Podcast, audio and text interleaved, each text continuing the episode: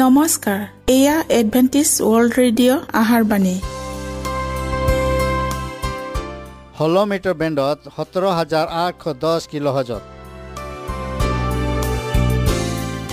Adventist World Radio যোগে অসমীয়া ভাষাত প্ৰচাৰিত আহাৰবাণী প্ৰত্যেক বুধবাৰ আৰু দেওবাৰ সন্ধিয়া সাত বজাত আহাৰবাণী শুনাৰ পিছত আপোনালোকৰ কিবা মন্তব্য আৰু প্ৰশ্ন থাকিলে আমালৈ এই ঠিকনাত লিখক। আমাৰ ঠিকনাটি হৈছে Adventist world radio' seven day Adventist মণ্ডলী অসম শাখা লতাকাটা বশিষ্ঠ গুৱাহাটী সাত আঠ এক শূন্য দুই ন।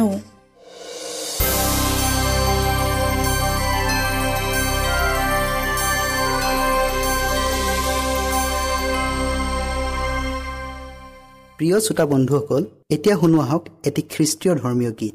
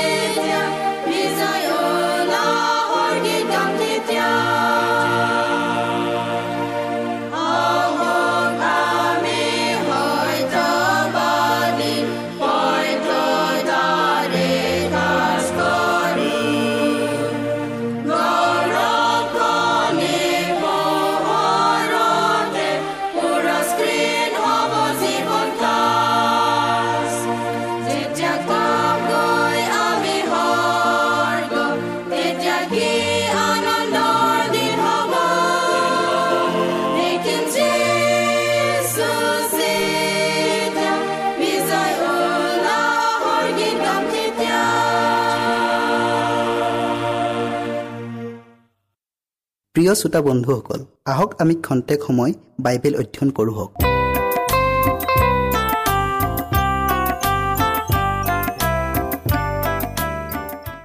প্ৰিয় শ্ৰোতা বন্ধুসকল নমস্কাৰ। আজি আমি যীশুখ্ৰীষ্টই দিয়া বাটৰ কাষত মাতি ইয়াৰ বিষয়ে অধ্যয়ন কৰিবলৈ আগবঢ়াইছোঁ। বাইবেল পদ আপোনালোকে পঢ়িব মাৰ্ক চাৰি অধ্যায়ৰ তিনি পদ বিষয়টিৰ আগবঢ়াৰ আগতে আহক আমি প্ৰাৰ্থনা কৰোঁ হওক। হে স্বৰ্গত থকা পবিত্ৰ জীৱনময় গৰাকী ঈশ্বৰ হোৱা। এই সুন্দৰ সময় দিয়াৰ বাবে তোমাক আকৌ ধন্যবাদ দিছোঁ। প্ৰভু এতিয়া আমি যি বিষয়টোলৈ আগবঢ়াইছোঁ সেই বিষয়টোলৈ তুমি জানিবলৈ আমাক তোমাৰ জ্ঞান আৰু বুদ্ধি দান কৰা। প্ৰভু তুমি প্ৰত্যেক শ্ৰোতাৰ লগত পবিত্ৰ আত্মাৰ যোগেদি থাকা। এই চুটি যাচনা ত্ৰাণকৰ্তা যীশুখ্ৰীষ্টৰ নামত জনালোঁ। আমেন। খেতিয়কৰ এই দৃষ্টান্তটো প্ৰধানত যি মাটিত কঠীয়া সিঁচা হয় তাৰ পৰিণামস্বৰূপে কঠীয়া গজি ফল উৎপন্ন কৰে। এইয়ে ইয়াৰ উদ্দেশ্য। খ্ৰীষ্টই জানি বুজিয়েই তেওঁৰ শ্ৰোতাবিলাকক কৈছিল মোৰ কোৱা কথাবোৰ তোমালোকৰ চিন্তাধাৰাৰ সৈতে নিমিলাৰ বাবে মোৰ কাৰ্যক অনৰ্থক সমালোচনা কৰি হতাশ নিৰাশাক প্ৰশ্ৰয় দিয়াতকৈ ইয়াৰ পৰা আঁতৰি যোৱাই শ্ৰেয়। তোমালোকলৈ মোৰ অতি মহান গুৰুত্বপূৰ্ণ হ'ল। মোৰ বাৰ্তাত প্ৰতি তোমালোকৰ প্ৰতিক্ৰিয়া কেনে? মোৰ বাৰ্তাক সমাদৰ বা প্ৰত্যাখ্যান কৰাৰ ভিত্তিত তোমালোকৰ অনন্ত অদৃশ্য বা ভাগ্য নিৰ্ভৰ কৰে। বাটৰ কাষত পৰা কঠীয়াৰ ব্যাকাৰে তেওঁ কৈছিল যেতিয়া কোনোৱে ৰাইজৰ বাক্য শুনে কিন্তু নুবুজে তেতিয়া পাপ আত্মাই আহি তেওঁৰ অন্তৰত যিবোৰ সিঁচা হ'ল তাক কাঢ়ি নিয়ে। এইজন বাটৰ কাষত পৰা কঠীয়া স্বৰূপ। বাটৰ কাষত পৰা কঠীয়া ঈশ্বৰৰ বাক্যক বুজাই যিবোৰ অমনোযোগী শ্ৰোতাত অন্তৰত পৰিল। এনে লোকবিলাকৰ মন মানুহ আৰু জন্তুৱেও গছকি কোনো ঘাঁহ বন গজিব নোৱাৰা কৰে।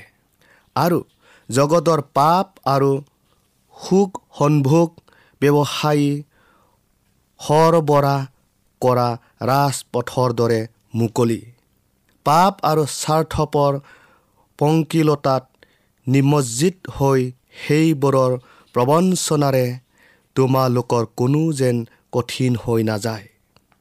অতি পৰিতাপৰ বিষয় এই যে মানুহৰ আত্মিক মনোবল জঠৰ হৈ পৰিল। তেওঁলোকে শুনিলেও একো বুজি নাপায়। তেওঁলোকে ইয়াকো নিৰ্ণয় কৰিব নোৱাৰে যে এই কথাবোৰ তেওঁলোকত প্ৰয়োগ কৰা হৈছে। আনকি তেওঁলোকৰ প্ৰয়োজন আৰু সংকট বিপদে বা কি তাকো উপলব্ধি কৰিব নোৱাৰে। তেওঁলোকে কৃষ্টৰ প্ৰেমৰ উমান নাপায় আৰু তেওঁৰ অনুগ্ৰহৰ বাণীকো আওকাণ কৰি আঁতৰি যায়। প্ৰিয়সকল যিদৰে আকাশৰ চৰাইবোৰে বাটৰ কাষত গুটিবোৰ নিৰ্বিঘ্নে খাব পাৰে তদ্ৰূপ হৃদয়ত সিঁচা ঐশ্বৰিক গুটি ছয়তানেও কোনো বাধা নোপোৱাকৈ কাঢ়ি নিয়ে। তাৰ ভয় হয় জানোচা ঈশ্বৰৰ বাক্যৰূপ কঠিয়াই অমনোযোগিতা জনৰ হৃদয় স্পৰ্শ কৰি জাগৃত কৰাই প্ৰভাৱ বিস্তাৰ কৰে। য'তেই শুভবাৰ্তা প্ৰচাৰ কৰা হয় ছয়তান আৰু তাৰ দূতবিলাকো তাতে উপস্থিত হয়। যেতিয়া স্বৰ্গদূতে ঈশ্বৰৰ বাক্যৰ দ্বাৰাই হৃদয় উদগনিৰ হেঁচা দিয়ে তেতিয়া শত্ৰুৱেও সতৰ্ক হৈ ঈশ্বৰৰ বাক্য অকামিলা কৰিবলৈ উঠি পৰি লাগে।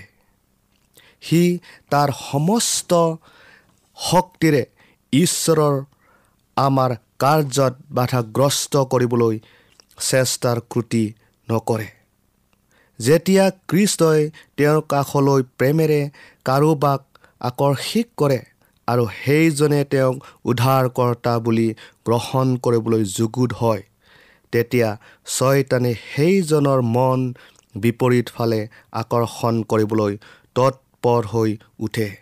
সি মনক জগতৰ ৰং ৰহস্যৰ প্ৰতি আবদ্ধ কৰি ৰাখে। সি দোষ গুণবোৰ সমালোচনা কৰিবলৈ উত্তেজিত কৰে আৰু কৌশলেৰে ঈশ্বৰৰ বাক্যৰ প্ৰতি সন্দেহ আৰু অবিশ্বাসৰ ভাৱ উৎপন্ন কৰে। মন কৰিবলগীয়া বাক্য কৌতাজনে যদি ঈশ্বৰৰ বাক্যৰ প্ৰতি জ্ঞান নাই উচিত ভাষা প্ৰয়োগ কৰিব পৰা নাই। তেওঁৰ কথা কোৱাৰ ধৰণ শ্ৰোতাত মন পুত হোৱা নাই। তেনে কাৰ্যত তেওঁ কেতিয়াও কৃতকাৰ্য হ'ব নোৱাৰে। যি সত্যৰ প্ৰতি সিবিলাকৰ ভোক আৰু পিয়াহ আছিল তাৰ নিবাৰণৰ অৰ্থে ঈশ্বৰে অতি প্ৰসন্নতাৰে তেওঁলোকক প্ৰেৰণ কৰিলেও স্থায়ী সাজ বহুৱাব নোৱাৰে। ছয়তানৰ বহু সহায়কৰ্তা আছে। আনৰ হৃদয়ৰ পৰা সত্যৰ বাক্য কাঢ়ি নি ছয়তানক দি সহায় কৰা অনেক নামধাৰী খ্ৰীষ্টিয়ান আছে। এনেকুৱা মানুহো আছে যিবিলাকে ঈশ্বৰৰ প্ৰচাৰ বাণী শুনে হয় কিন্তু ঘৰলৈ গৈ এইবোৰ সিহঁতৰ উপহাসৰ বিষয় হয়। যিবিলাকে ওলোটাই ঈশ্বৰৰ বাক্যক দোষ ধৰি বিজ্ঞজনৰ দৰে কথা কয়। যি বাৰ্তাক প্ৰভুৰ বাক্য বুলি সন্মান কৰা উচিত সেইবোৰ তাচ্ছিল্য আৰু ব্যংগতিৰ মন্তব্য হৈ পৰে। পুৰোহিত স্বভাৱ মনোভাৱ আৰু কৰ্ম আনহাতে গীৰ্জাৰ সহসভ্যবিলাকৰ ব্যৱহাৰ পাতি মুকলিকৈ আলোচনা কৰা হয়। কৰ্ম অনুসাৰে কঠোৰ শাস্তিৰ ব্যৱস্থাও প্ৰদান কৰে। বদনাম অপবাদ ইত্যাদি অবিশ্বাসীবিলাকৰ শুনাত পুনৰাবৃত্ত কৰা হয়। আনহে নালাগে কেতিয়াবা পিতৃ মাতৃয়েও নিজৰ ল'ৰা ছোৱালীৰ শুনাত এনে অশুভ কথাবোৰ আলোচনা কৰে। ফলত ঈশ্বৰৰ বাৰ্তাবাহকৰ প্ৰতি সন্মান হানি কৰাৰ উপৰিও তেওঁলোকৰ বাৰ্তাৰ প্ৰতিও অশ্ৰদ্ধা কৰা হয়। এনেকৈয়ে অনেকক ঈশ্বৰৰ বাক্যক অৱজ্ঞা কৰিবলৈ উচতনি দিয়া হয়।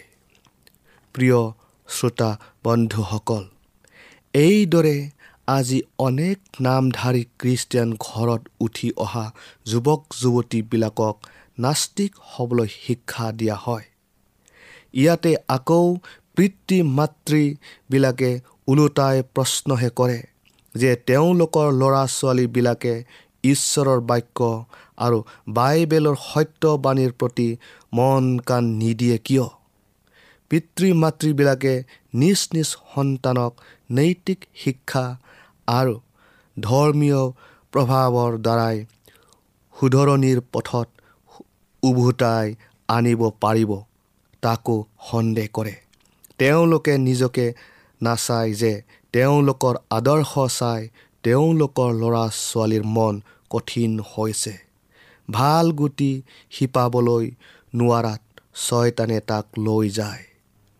প্ৰিয় শ্ৰোতা বন্ধুসকল আহক এতিয়া আমি শিলনিত পৰা কঠীয়াৰ বিষয়ে চাওঁ হওক। আপোনালোকে বাইবেল পদ চাব পাৰিব মাৰ্ক চাৰি অধ্যায়ৰ পাঁচ পদ। আৰু যিজন শিলনিত পৰা কঠীয়া স্বৰূপ তেওঁ বাক্য শুনিলতে আনন্দৰে তাক গ্ৰহণ কৰে। কিন্তু তেওঁৰ অন্তৰত শিপা নোহোৱাত তেওঁ অলপ দিন মাথোন থাকে।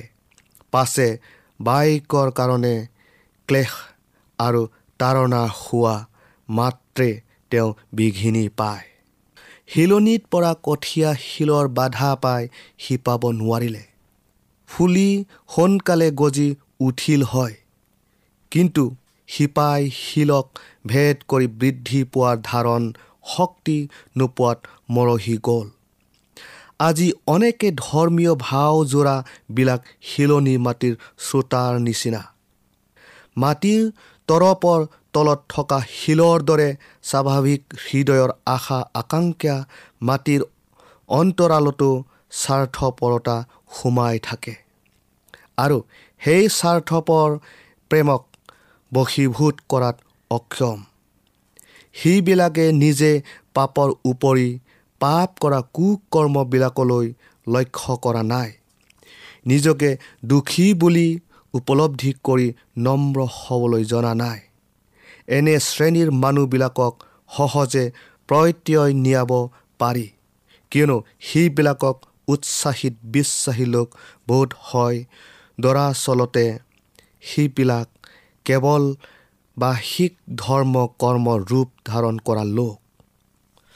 মানুহবিলাকে নভবা নিশ্চিন্তাকৈ শুনা মাত্ৰে বা খন্তেকীয়া উত্তেজনাৰ বশৱৰ্তী হৈ গ্ৰহণ কৰাৰ ফলত বিশ্বাসৰ পৰা কহি পৰে এনে নহয়। এতিয়া মতিৰ ঘটনাটোলৈ মন কৰোঁ হওক। তেওঁ ত্ৰাণকৰ্তাজনাৰ আমন্ত্ৰণ শুনা মাত্ৰে সকলোকে ত্যাগিলে আৰু তেওঁৰ অনুগামী হ'ল। এইয়ে প্ৰভুৰ ইচ্ছা যেতিয়াই আমি তেওঁৰ আমন্ত্ৰণৰ কোমল স্বৰ শুনো তেতিয়াই মনৰ আনন্দতাৰে গ্ৰহণ কৰা উচিত। কাৰণ লোক পোন্ধৰ অধ্যায় সাত পদত কৈছে মন পালোতোৱা এজন পাপীৰ অৰ্থে স্বৰ্গত তাতকৈ অধিক আনন্দ হ'ব। তাৰোপৰি কৃষ্টৰ প্ৰতি বিশ্বাসী হৈ তেওঁৰ গ্ৰহণ কৰা জনৰো হৃদয় আনন্দৰে ভৰপূৰ হ'ব। কিন্তু এই দৃষ্টান্তত কোৱা হৈছে যিবিলাকে বাক্য শুনা মাত্ৰে গ্ৰহণ কৰিলে সেইবিলাকে ত্যাগ স্বীকাৰৰ কথাটো চিন্তা কৰি নাচালে আৰু ঈশ্বৰৰ বাক্যই কি বিচাৰে বা তেওঁৰ বাক্য গ্ৰহণ কৰাৰ চৰ্তাৱলীবোৰ কি কি সেইবিলাকে একোকে নাভাবিলে। সেইবিলাকে এতিয়াও নিজৰ নিজৰ অতীত জীৱনৰ অসুচী কৰ্মবোৰ পুৰণি স্বভাৱবোৰ ত্যাগ কৰিব নোৱাৰি সেইবোৰৰ অধীন হৈ আছে। গছ পুলিৰ শিপাই যেনেকৈ মাটিৰ গভীৰতালৈ সোমাই গোপনে গছ পুলিৰ জীৱন ধাৰণৰ নিমিত্তে সাৰ পানী যোগায় ঠিক সেইদৰে বিশ্বাসীজনেও কৃষ্টৰ সৈতে বিশ্বাসে অদৃশ্য মিলনেৰে আত্মাত গোপনে আত্মিক জীৱন পাবলৈ সহায় পায়। কিন্তু শিলনি মাটিৰ শ্ৰোতাবিলাকে কৃষ্টৰ সলনি নিজৰ স্বাৰ্থৰ ওপৰত নিৰ্ভৰ কৰে। সেইবিলাকে নিজৰ সৎকৰ্ম সৎ চিন্তাধাৰা আৰু স্বধাৰ্মিকতাৰ ওপৰত নিৰ্ভৰশীল যিহেতু সেইবিলাক প্ৰভুৰ শক্তিত নিৰ্ভৰ কৰি আত্মাত বলৱান হ'ব নোখোজে। এনে লোকৰ শিপা নাই কাৰণ কৃষ্টৰ সৈতে তাৰ সংযোগ নাই। প্ৰিয় শ্ৰোতা বন্ধুসকল অনেক লোকে নিজকে ঈশ্বৰৰ পৰিচাৰক বুলি দাবী কৰে। কিন্তু তেনে কোনোজনৰো ঈশ্বৰীয় জ্ঞান নাই। তেওঁলোকে নিজ বিবেচনাৰ ওপৰত ভিত্তি কৰি তেওঁৰ ইচ্ছা পালন কৰাৰ আগ্ৰহী। পবিত্ৰ আত্মাৰ গভীৰ প্ৰভাৱৰ দ্বাৰাই নহয়। তেওঁলোকৰ আচৰণ বিধি ঈশ্বৰৰ বিধানৰ একাত্মক নহয়। হয় সঁচা কথা তেওঁলোকে কৃষ্টক ত্ৰাণকৰ্তা বুলি গ্ৰহণ কৰে। কিন্তু পাপৰ ওপৰত জয়যুক্ত হ'বলৈ তেওঁ তেওঁলোকক শক্তি প্ৰদান কৰে ইয়াক বিশ্বাস নকৰে। এই কথাই ইয়াকে প্ৰমাণ কৰে যে জীৱিত ত্ৰাণকৰ্তাজনাৰ সৈতে তেওঁলোকৰ ব্যক্তিগত সম্বন্ধ নাই। যিহেতু নিজৰ বিচাৰ বুদ্ধিৰ মতে বংশগতভাৱে চলি অহা স্বভাৱৰ কোটবোৰ প্ৰকাশ কৰে। সৰ্বসাধাৰণভাৱে পবিত্ৰ আত্মাৰ কৃতিত্বক স্বীকাৰ কৰা আৰু অনুতাপৰ অৰ্থে উদগনিলৈ আমন্ত্ৰণ কৰা তেওঁৰ কাৰ্যক গ্ৰহণ কৰোঁ। ঈশ্বৰৰ পৰা বিচ্ছিন্ন হৈ যোৱাটো বহুতে অনুভৱ কৰে সঁচা। পাপ আৰু তাৰ বন্ধনৰ পৰা মুক্তি পোৱাৰ উপলব্ধি কৰি সংশোধনৰ য'ত পৰুণাস্তি চেষ্টা কৰে হয়। কিন্তু নিজকে ক্ৰুচবিদ কৰিব নোখোজে। ঈশ্বৰৰ ইচ্ছা পালন কৰিবলৈ ঐশ্বৰিক শক্তি পোৱাৰ চেষ্টা কৰি কৃষ্টৰ হাতত তেওঁলোকে নিজকে সম্পূৰ্ণৰূপে সোধাই নিদিয়ে। তেওঁলোক ঐশ্বৰিক সাদৃশ্যতে গঢ় ল'বলৈ ইচ্ছুক নহয়। প্ৰচলিত নিয়ম অনুসাৰে তেওঁলোকে নিজৰ অসম্পূৰ্ণতাবোৰ স্বীকাৰ কৰে। যদিও কিছুমান বিশেষ পাপবোৰ ত্যাগ কৰিবলৈ ইচ্ছুক নহয়। কাৰণ তেওঁলোকৰ আকলোৱা প্ৰেমেৰে আঁকোৱালি লয় আমাৰো তেনে মনোভাৱ হ'ব। প্ৰিয় শ্ৰোতাসকল এয়াই আছিল কৃষ্টৰ ঐশ্বৰিক বিধি। এইবোৰৰ ব্যক্তিক্ৰমে ই প্ৰবঞ্চনাযুক্ত মাথোন। কোনো কাল্পনিক সত্য বা মত বা বাহিক শিষ্যত্বৰে কোনেও উদ্ধাৰ নাপাব। আমি নিস্বাৰ্থভাৱে নিজকে কৃষ্টত সোধাই নিদিওঁ মানে সম্পূৰ্ণৰূপে তেওঁৰ বুলি ক'ব নোৱাৰোঁ। এয়া আন্তৰিকতাহীন খ্ৰীষ্টিয়ান জীৱন যাপনৰ দ্বাৰাই মানুহ সৎ উদ্দেশ্য সাধনত দুৰ্বল আৰু অবাঞ্চিত কাৰ্যত আসক্ত হোৱাৰ পৰিণাম। একে সময়তে নিস্বাৰ্থ আৰু কৃষ্ট উভয়কে পৰিচৰ্যা চেষ্টা কৰাজন শিলনি মাটিৰ শ্ৰোতা আৰু বিপদ সংকটৰ সময়ত ধৈৰ্যচত হয়। প্ৰিয় শ্ৰোতা বন্ধুসকল আজি ইয়াতে আমি সামৰিলোঁ। ঈশ্বৰে আপোনালোকক আশীৰ্বাদ কৰক।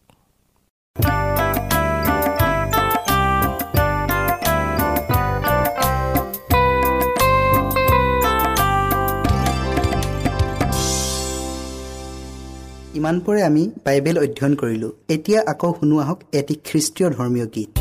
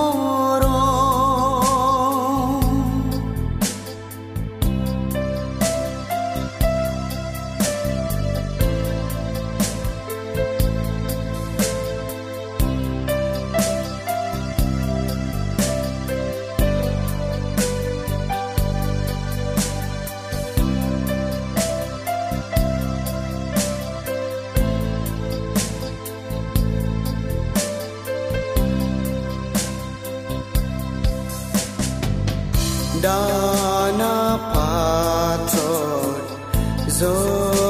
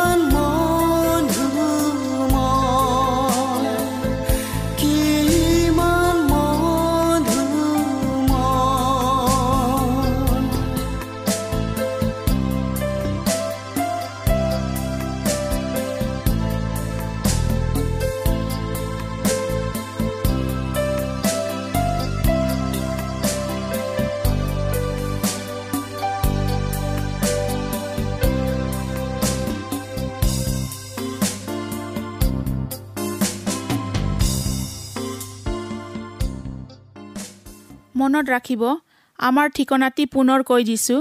Adventist world radio' Assam region of seven day Adventist voice of hope Latakata Basistha Guwahati seven eight one zero' two nine প্ৰিয় শ্ৰোতা বন্ধুসকল এডভেণ্টিজ ৱৰ্ল্ড ৰেডিঅ' যোগে আহাৰবাণী প্ৰচাৰত আপোনালোকক পুনৰ লগ পোৱাৰ আহাৰে আজিলৈ সামৰিলোঁ।